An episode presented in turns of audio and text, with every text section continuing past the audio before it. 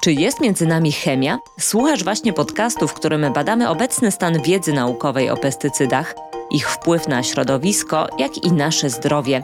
Rozmawiamy również o alternatywach wobec chemicznej ochrony roślin. Na rozmowę zaprasza Fundacja imienia Heinricha Bölla w Warszawie. Prowadzi Patrycja Wanat. Każdego roku aktywiści z amerykańskiej organizacji Environmental Working Group publikują listę najbardziej skażonych pestycydami warzyw i owoców na amerykańskim rynku. Media lubią pisać o brudnych dwunastkach czy też czystych piętnastkach, zapominając często, że dane IWG odnoszą się do rynku północnoamerykańskiego i niekoniecznie przystają do polskiej rzeczywistości. My o pozostałości chemicznych środków ochrony roślin zapytamy dziś eksperta, który na co dzień zajmuje się ich badaniem. Zanim jednak przejdziemy do dzisiejszego tematu, jestem Wam winna odpowiedź na pytanie postawione w poprzednim odcinku podcastu Czy jest między nami chemia? A brzmiało ono, czym są mogilniki? Otóż mogilniki są zbiornikami, najczęściej podziemnymi, w których składowało się najbardziej niebezpieczne substancje, w tym przeterminowane pestycydy. Takich mogilników po PRL-u zostały dziesiątki. Wiele lat zajęło uporanie się z tym kłopotliwym spadkiem po zamierzchłych czasach. Czasem mogilniki Silniki odkrywano przez przypadek, bo nie zostały zgłoszone. A co więcej, nie wszystkie były prawidłowo zabezpieczane. Niektóre latami przesączały toksyny do gleby. Wracamy teraz do dzisiejszego tematu, jakim jest obecność pozostałości chemicznych środków ochrony roślin w naszym jedzeniu. O pomoc w wyjaśnieniu procesu, w jaki bada się żywność, poprosiłam doktora Artura Miszczaka z Instytutu Ogrodnictwa Państwowego Instytutu Badawczego w Skierniewicach, który kieruje Zakładem Badania Bezpieczeństwa Żywności oraz od ponad 20 lat prowadzi akredytowane laboratorium zajmujące się analizami pozostałości środków ochrony roślin. Ponad 500 y, różnych substancji możemy zbadać y, w jabłku, czy w markwi, czy, czy powiedzmy w zbożu, mące, czy czymkolwiek, posługując się bardzo wyrafinowaną aparaturą, która nazywa się chromatografy gazowe albo cieczowe z podwójnymi detektorami masowymi. Y, to jest dosyć wyrafinowana technologia, ale niemniej jednak to jest standard w tego rodzaju laboratoriach. My na przykład no, część badań robimy, żeby wpuścić ewentualnie towar z zagranicy, tak? Czyli towar tak. dostajemy z granicy i mamy dosłownie cztery dni, żeby właśnie wykonać te analizy. No i czasami no, w ciągu 3-4 dni musimy to wykonać, dlatego że samochody stoją na granicy i czekają na wyniki badań. Jesteśmy zrzeszeni w takim y, sieci laboratoriów, wokół laboratoriów referencyjnych Unii Europejskiej, bo to jest taki wymóg dla laboratoriów, które między innymi urzędowe e, e, badania wykonują, że, że muszą być w kontakcie z tymi laboratoriami, a te laboratoria testują nas po prostu, że my produkujemy dobre wyniki e, i ewentualnie nam pomagają, dają metodyki, rozwiązania technologiczne czy techniczne, w jaki sposób najlepiej wykonać e, dane analizy. I fizycznie przygotowują próbki przynajmniej raz na rok, czyli, czyli to jest jakaś pulpa, powiedzmy z jabłek, z markwi, z melona, i rozsyłają te próbki po wszystkich laboratoriach jednocześnie i my robimy te analizy i zrzucamy tam wyniki i potem wychodzi taka publikacyjka, publika, no publikacyjka, to ma tam sto ileś stron i, i opisująca po prostu te nasze wyniki y, badań. Każde laboratorium kod swój dostaje i pod tym kodem może sprawdzić, jakie wyniki otrzymało. I jeżeli się mieścimy w jakiejś tam średniej takiej międzylaboratoryjnej, z takim plus minus coś tam, prawda, w takich y, y, widłach, to znaczy, że dobrze wykonujemy y, mm. nasze prace. To znaczy, nasze wyniki są porównywalne z wynikami laboratoriów w Niemczech, we Francji, w Hiszpanii i tak dalej, i tak dalej, bo to, to jest na terenie Unii Europejskiej. Czyli laboratorium, które sprawdza żywność, również jest sprawdzane. Bezwzględnie, hmm. dlatego że tu się liczy wiarygodność badań. Skąd te 500 substancji u nas? Bo to są środki, które już dawno wyszły z użycia, dopiero co wyszły z użycia i są w użyciu, że tak powiem, tak? I, i to jest do sprawdzenia. Każdy środek y, ma substancję aktywną i do tej substancji aktywnej na daną uprawę jest norma która opisuje, jaka maksymalna ilość może znajdować się w danym produkcie, czyli w marchwi, w ziemniaku. I ta norma to wynosi na przykład dla takich no, wychodzących substancji, albo które już wyszły, to jest jedna setna miligrama na kilogram, więc o takich ilościach mówimy. Y, często mają jedną dziesiątą, pięć dziesiątych, jeden miligram na kilogram. I to jest w przeliczeniu właśnie na świeży produkt. Czyli my musimy y, mierzyć y, dużo poniżej tych ilości, żeby po prostu można było stwierdzić, czy jest przekroczenie, czy nie. I, i czy nie mamy przypadkiem do czynienia z jakąś substancją w, w produkcie, która już nie jest zarejestrowana, tak? Jeżeli rolnik kupuje środek, musi wiedzieć, że on jest zarejestrowany na jego uprawę i musi postępować zgodnie z etykietą termin dla danej uprawy, kiedy można użyć, dawkę i krotność ewentualnie, stężenie, w ogóle przepis, w jaki sposób on może to zastosować. Z naszych badań y, wieloletnich y, wynika, że jeżeli to jest robione zgodnie z etykietą, to poziom pozostałości w roślinach, czy w tych produktach końcowych, które, które potem są na zbiorach, nie wynosi więcej niż 10% tej normy, która dopuszcza tam maksymalną ilość y, tej substancji aktywnej w tym produkcie. Czyli jeżeli już jest na przykład, ja, my badamy i na przykład jest powyżej 50% tej normy, to, to ja wiem, że po prostu rolnik, że tam producent rolny nie zastosował stricte według tego, tego przepisu, który ma tam na tej etykiecie. To znaczy albo później zastosował, albo dawkę zwiększył y, ponad normę. Już coś jest nie tak. Mm. Jeżeli ma przekroczenie, no to w ogóle skrzanił całe, całe te stosowanie tego środka. I teraz jak jest przekroczenie, to co, co, co to znaczy? Tak? W każdym kraju, również w Polsce, następuje y, weryfikacja tak zwanymi badaniami monitoringowymi. Pierwszy monitoring, który stwierdza, czy to jest prawidłowo wszystko stosowane, to w Polsce jest prowadzony przez Ministerstwo Rolnictwa i Państwową Inspekcję Ochrony Roślin i Nasiennictwa, gdzie my razem z kilkoma laboratoriami z innych instytutów również y, dostajemy próbki pobierane co roku, no to od 20 lat to badamy co najmniej, Także z każdego województwa jest pobierane, są różne plony. Właśnie w tej chwili piszę sprawozdanie na ten temat, bo zakończyliśmy następny rok, tak? I zrobiliśmy na przykład u nas w laboratorium 1300 próbek z 42 różnych gatunków owoców, warzyw i zbóż. I teraz jest tak, że ta, te próbki przychodzą na bieżąco do laboratorium, my je badamy, wydajemy sprawozdania i w tych sprawozdaniach na przykład opisujemy, czy nie wykryliśmy przypadkiem substancji, która nie jest zarejestrowana na tą uprawę. A no to właśnie bardzo ciekawe. A, a, możemy już mówić jakoś tak, nie wiem, oficjalnie czy nieoficjalnie o tych wynikach za zeszły rok? Bo ja rozumiem, że tu rozmawiamy znaczy o zeszłym roku. One od poprzednich mhm. lat za bardzo, tak? Czyli dużo było przekroczeń? Zaszaleli rolnicy w zeszłym to znaczy roku? Jest czy... tak, że no, w tym roku troszeczkę mniej niż w zeszłym, może około tam 2,7%, tylko o czym my mówimy, tak? Przekroczenia dotyczą de facto żywności. Czyli te rozporządzenie o, o, tych normach mówi o tym, ile nie może być żywności, która jest na półkach sklepowych. Tak. A my badamy jeszcze tak zwane płody rolne, tak? czyli jeszcze to nie jest żywność.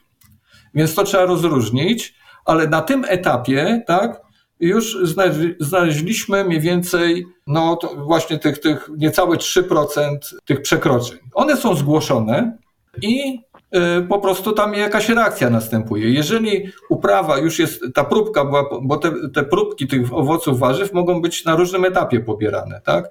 Y, na wczesnym uprawy, bo, bo tu głównie chodzi o to, żeby zbadać, czy rolnicy nie zastosowali przypadkiem nieprawidłowych środków, czyli niezgodnie z etykietą, tak? My wtedy w sprawozdaniu tam dajemy na czerwono po prostu tą nazwę i, i tam następuje, potem inspektorzy wracają na pole i się dopytują, co się stało, dlaczego po prostu taki środek znalazł się w tych Szpinaku, a nie pola. powinien. Bo to może być znios od sąsiada, może być yy, tak zwany, tak, czyli sąsiad yy, czymś robił opryski, ale na przykład w każdej etykiecie jest napisane, że w czasie zabiegu y, wiatr nie może być większy niż 4 metry na sekundę. Tak? To znaczy, i on powinien zabezpieczyć, żeby y, w czasie jego, jego zabiegów tam nie było zniosów, powiedzmy, na, na pola sąsiednie i tak dalej, dlatego że wtedy z wiatrem lecą substancje aktywne i mogą dolecieć różnie, tak? również do, do obszarów zamieszkałych. On może na przykład sobie popryskać wtedy swoją rodzinę. Tak? No tak która jest gdzieś tam niedaleko pola mieszka, też tak może być. Tak? Więc, więc y, takie sytuacje też następują. Z gleby może pochodzić jakaś substancja długo zalega, wodą może podlać, która zawiera jakieś substancje, bo, bo w wodach też, też się znajdują pestycydy. Okay, albo po prostu zastosował y, nie, no nielegalnie, że tak powiem, środek. I teraz różne są przyczyny takiej nielegalności. Znaczy to może być właśnie środek, który jest zarejestrowany na inną uprawę i na przykład zastosował na swoją, a nie powinien, tak? Bo na przykład y, w sadownictwie, na przykład w uprawach owoców środki ochrony roślin są trochę droższe, tam trochę, no, bardziej, y, dużo droższe niż na przykład te rolnicze. I ktoś się może pokusić, żeby tymi rolniczymi, które są zarejestrowane tylko na zboża, na przykład zastosować je na, na jabłonie, czy grusze, czy, czy malinę. Coś takiego też, też czasami się to zdarza. A wręcz, a jeszcze jest taka sprawa, że, że jest bardzo duży rynek nielega, handlu nielegalnymi y, środkami. I teraz nie wiadomo, jak, jak duży on jest. I my znajdujemy substancje, które już na przykład nie są zarejestrowane na terenie Unii Europejskiej, a tu rolnicy je próbują stosować bo dostają gdzieś tam. Od czasu do czasu można przeczytać, mm. że gdzieś na granicy, na przykład z Ukrainą, zatrzymano kogoś, kto ch chciał niewielką ilość, powiedzmy, jakichś środków, jakieś butelki podejrzane, zbiorniki czy, czy saszetki z jakimś proszkiem i się potem okazuje, że przemycał jakieś środki ochrony roślin. Dlaczego? Dlatego, że one kosztują i sobie ludzie nimi dorabiają czasami. A to jest nie, nielegalne. I takich E, sytuacji, to już wykry, wykrywamy więcej niż tych przekroczeń, bo czasami dochodzi do 20%. Średnio, w zasadzie średnia taka wieloletnia to jest 15%, czyli my znajdujemy w co siódmym gospodarstwie jakiś problem użycia prawdopodobnie e, no, nieprawidłowo środków ochrony roślin. Jest grupa producentów, którzy próbują tak, tak uprawiać, żeby nie było pozostałości. Nawet. Czyli my nic nie wykrywamy. I ta grupa, na przykład wśród producentów jabłek, już wynosi czasami 30, ponad 30%. Czyli jedna trzecia tak potrafi uprawiać, i to nie jest ekologia, uprawiać, żeby na końcu nie było tych środków, czyli można, prawda? A z drugiej strony mamy takich, którzy y, są fanami y, chemicznej ochrony. Czy, I tam znajdujemy Y, czasami nawet 10-11 różnych substancji. I, I, czasami tam właśnie przekroczenia są. I w środku są tacy, którzy tam mają dwie, trzy substancje, powiedzmy normalna sprawa, tak? To są te, te bardzo popularne tam fungicydy przeciwko chorobom grzybowym albo, albo insektycydy.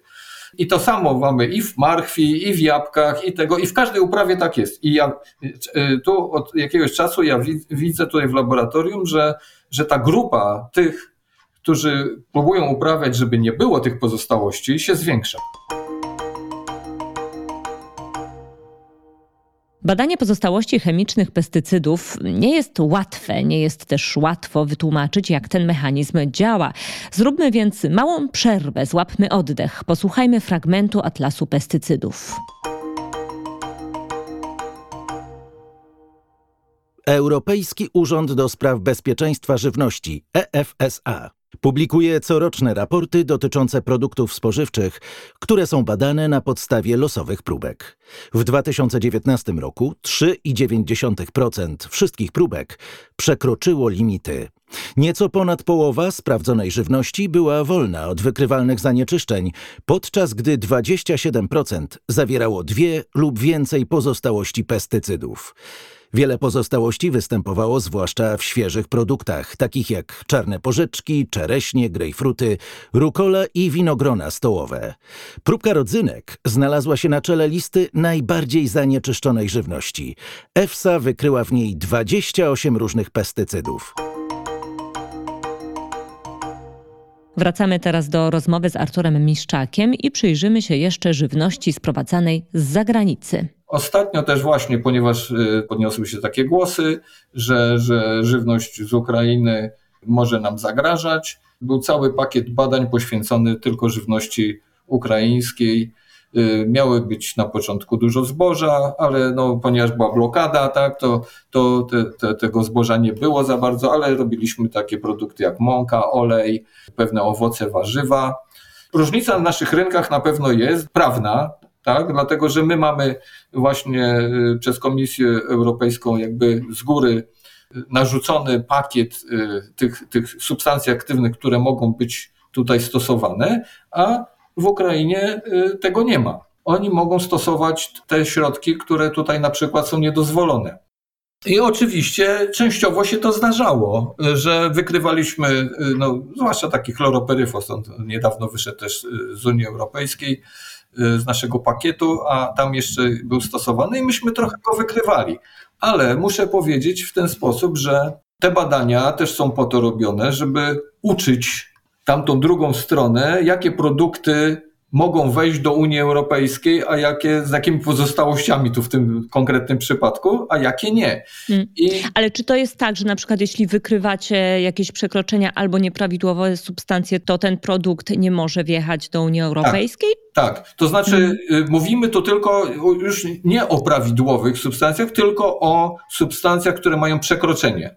Mhm bo, bo tutaj już nie możemy mówić o prawidłowych, nieprawidłowych, dlatego że w każdym kraju, a jak, jeżeli my robimy na przykład żywność importowaną w Polsce, a znajdujemy tutaj zewsząd, tak, z każdego kontynentu tutaj. Y, tak, awokado z Peru. Y, ze Stanów, no, z tak. Kanady, y, na przykład no, jakaś tam żurawina, nawet z Gwatemali groszek, jakieś tak. gruszki z RPA, chmiel z Australii.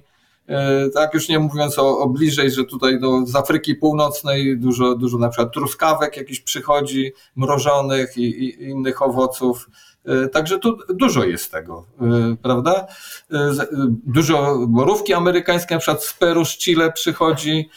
Powiem tak, generalnie jeśli chodzi o cały import, to znajdujemy trochę więcej tych przekroczeń niż na terenie tutaj Polski. Tak jak mówiłem, że tutaj w okolicach tam było 3%, tak poniżej 2,7%, to tu powiedzmy dwa razy więcej, około 6% takich przekroczeń. Czyli warto filtrować tą żywność Procedura jest taka, że jak my dostajemy próbkę, właśnie to co mówiłem, że w ciągu czterech dni musimy zrobić te analizy, wypuszczamy analizy z powrotem, te wyniki badań na granicę. Jeżeli tam są przekroczenia, to jest to podstawa e, do zatrzymania tego produktu i niewpuszczenia. Od, od tego są służby celne. E, jeśli chodzi o tą Ukrainę, to powiem tak, że tam przekroczeń wcale nie jest więcej niż w Polsce, że nie jest to produkt zły, to jest towar, ten, który idzie przez granicę, on często jest detykowany, że jest wysyłany na granicę. Ja nie wiem, co tam w środku jest, tak? Mm. Na rynku wewnętrznym. Ale powiem tak, bardzo często w Ukrainie są pozakładane, fi znaczy są firmy zagraniczne, niemieckie, holenderskie, szwajcarskie, które tam y, y, zakładają gospodarstwa i pod ich nadzorem są prowadzone i pewnie środki ochrony roślin tak są stosowane, żeby było w porządku, jak się sprowadzi na teren Unii Europejskiej, bo bardzo dużo towaru, który tutaj żeśmy sprawdzali, y, właśnie szedł na przykład no, malina mrożona, czy mąka, czy coś, szło na rynki zachodnie. Tak? Czy, znaczy no, do Niemiec, Szwajcarii właśnie, Francji czy, czy, czy Holandii. W ten sposób, tak? Czyli, czyli ten tak. towar, on czasami ta malina średnio, ona, y, ta, ta właśnie w ten sposób y, y, importowana tutaj na, na teren Unii Europejskiej jest lepsza od tej naszej rodzimej polskiej. I polskiej coś tam znajdziemy, jakieś pozostałości, a tu bardzo często były czyste te próbki. Bez, mimo, że bardzo duży zakres tych analiz żeśmy tutaj wdrażali, to, to nic nie było wykrywane. Także naprawdę nie jest źle i, i dlatego rolnicy, nasi rodzimi, trochę się obawiają tego rynku, dlatego że e, bardzo szybko w Ukrainie się ludzie nauczą, powiedzmy, prawidłowo stosować, znaczy technik, prawidłowych technik upraw, tym bardziej, że tam no, bardzo dobra gleba jest e, i warunki e, są często sprzyjające bardziej tak, niż w Polsce. I Dlatego, dlatego podniósł się taki, taki szum, że, że być może warto posprawdzać tej, bardziej na te pestycydy, bo, bo może można ich trochę tam przytrzeć, że tak powiem, mm. tak, na granicach. E, trochę było problemu z olejem, powiem, jaka była sekwencja zdarzeń. Na początku, jak żeśmy badali, olej rzepakowy, nie rzepakowy, tylko sojowy i słonecznikowy, bo to najwięcej przychodziło z tamtego kierunku, był zanieczyszczony często chloropyryfosem i, i były przekroczenia. I, I, był to problem, dlatego że po prostu po naszych analizach potrafił stanąć cały, cały pociąg z ilomaś tam cysternami, tak, z, z tym olejem, więc Właśnie po to my musimy się sprawdzać w tych między innymi e, badaniach międzylaboratoryjnych i się upewniać, że jest ok, żebyśmy potem mogli e, bronić się, e, że wydajemy prawidłowe wyniki badań, bo to jest pierwszy zarzut od razu, prawda, że laboratorium źle zbadało towar, to bo to jakąś obronę tam zawsze jest, bo to są ogromne pieniądze, które my de facto zatrzymujemy, prawda? Ale jaki był ciąg dalszy tej sprawy z tym olejem? Po jakimś czasie, e, przez jakiś czas były te, od czasu do czasu te wykrycia tego chloropyryfosu w tych olejach, ale teraz, pod sam koniec sezonu, już ten olej był czyściutki, bez, bez żadnych zanieczyszczeń. Po pierwsze, oni dokładnie, e, czyli w Ukrainie wiedzieli e, ludzie, że po prostu ich towar jest sprawdzany. Już teraz, obecnie, to jak przychodzi ten towar, to my sprawdzamy, to, to po prostu jest bez zarzutu. Też była taka historia z, z truskawką egipską, że e, dwa lata temu czy trzy lata temu e, ona była tragiczna. My, co, co myśmy dostali, jakiś import z, e, truskawek z Egiptu, to były przekroczenia różnego typu, różnych substancji, które najczęściej wyszły z Unii Europejskiej i one były stosowane właśnie na obrzeżach Unii, tam przez tamtych producentów i po prostu niemal każda próbka miała przekroczenie. Y, po takim roku tak tam się pozmieniało, że teraz takie wykrycia przekroczeń są tej y, truskawki egipskiej, bo ponieważ wiedzieliśmy, że, że ona jest nie, nie, bardzo, prawda, to, to była intensywnie w następnych latach sprawdzana i po prostu w tej chwili ona jest ok, tak? Ona jest czysta, nie zawiera tych y, przekroczeń. Powiedzmy, już się o wiele bardziej poprawiła. Dziękuję doktorowi Arturowi Miszczakowi i zabiorę Was teraz do sadu Ekojabłonka, położonego w gminie Tarczyn, jabłkowej stolicy Polski. A czeka tam na nas Hubert Filipiak. Mamy koło 12 hektarów jabłoni. Tych jabłoni mamy dużą róż, różnorodność, ponieważ znaczy generalnie jest tak, że nasze gospodarstwo jest e, gospodarstwem takim tradycyjnym i dosyć starym, ponieważ e, w tym miejscu już moja rodzina ma ziemię od e, ponad 160 lat. I y, oczywiście nie jest tak, że mamy drzewa, które mają y, 170 lat, ale najstarsze drzewa w moim sadzie faktycznie mają około lat y, 80 w tym momencie już. Mamy grusze. Mm, gruszy jest około 2,5 hektara też mamy dużą różnorodność, jeżeli chodzi o odmiany. Bardzo stare też e, są drzewa, właśnie najstarsze to są, to są gruszki w tym e, momencie w naszym sadzie. Poza tym mamy e, czereśnie. Ta różnorodność czereśni też jest dosyć duża, też jest około kilkunastu odmian. Śliw tak samo, może nie kilkanaście, ale, ale ponad dziesięć. Trochę wiśni, i jakieś mm, dodatkowe rzeczy, które funkcjonują w naszym gospodarstwie, to są krzaki pigwowca, to są orzechy włoskie i laskowe, to jest dereń.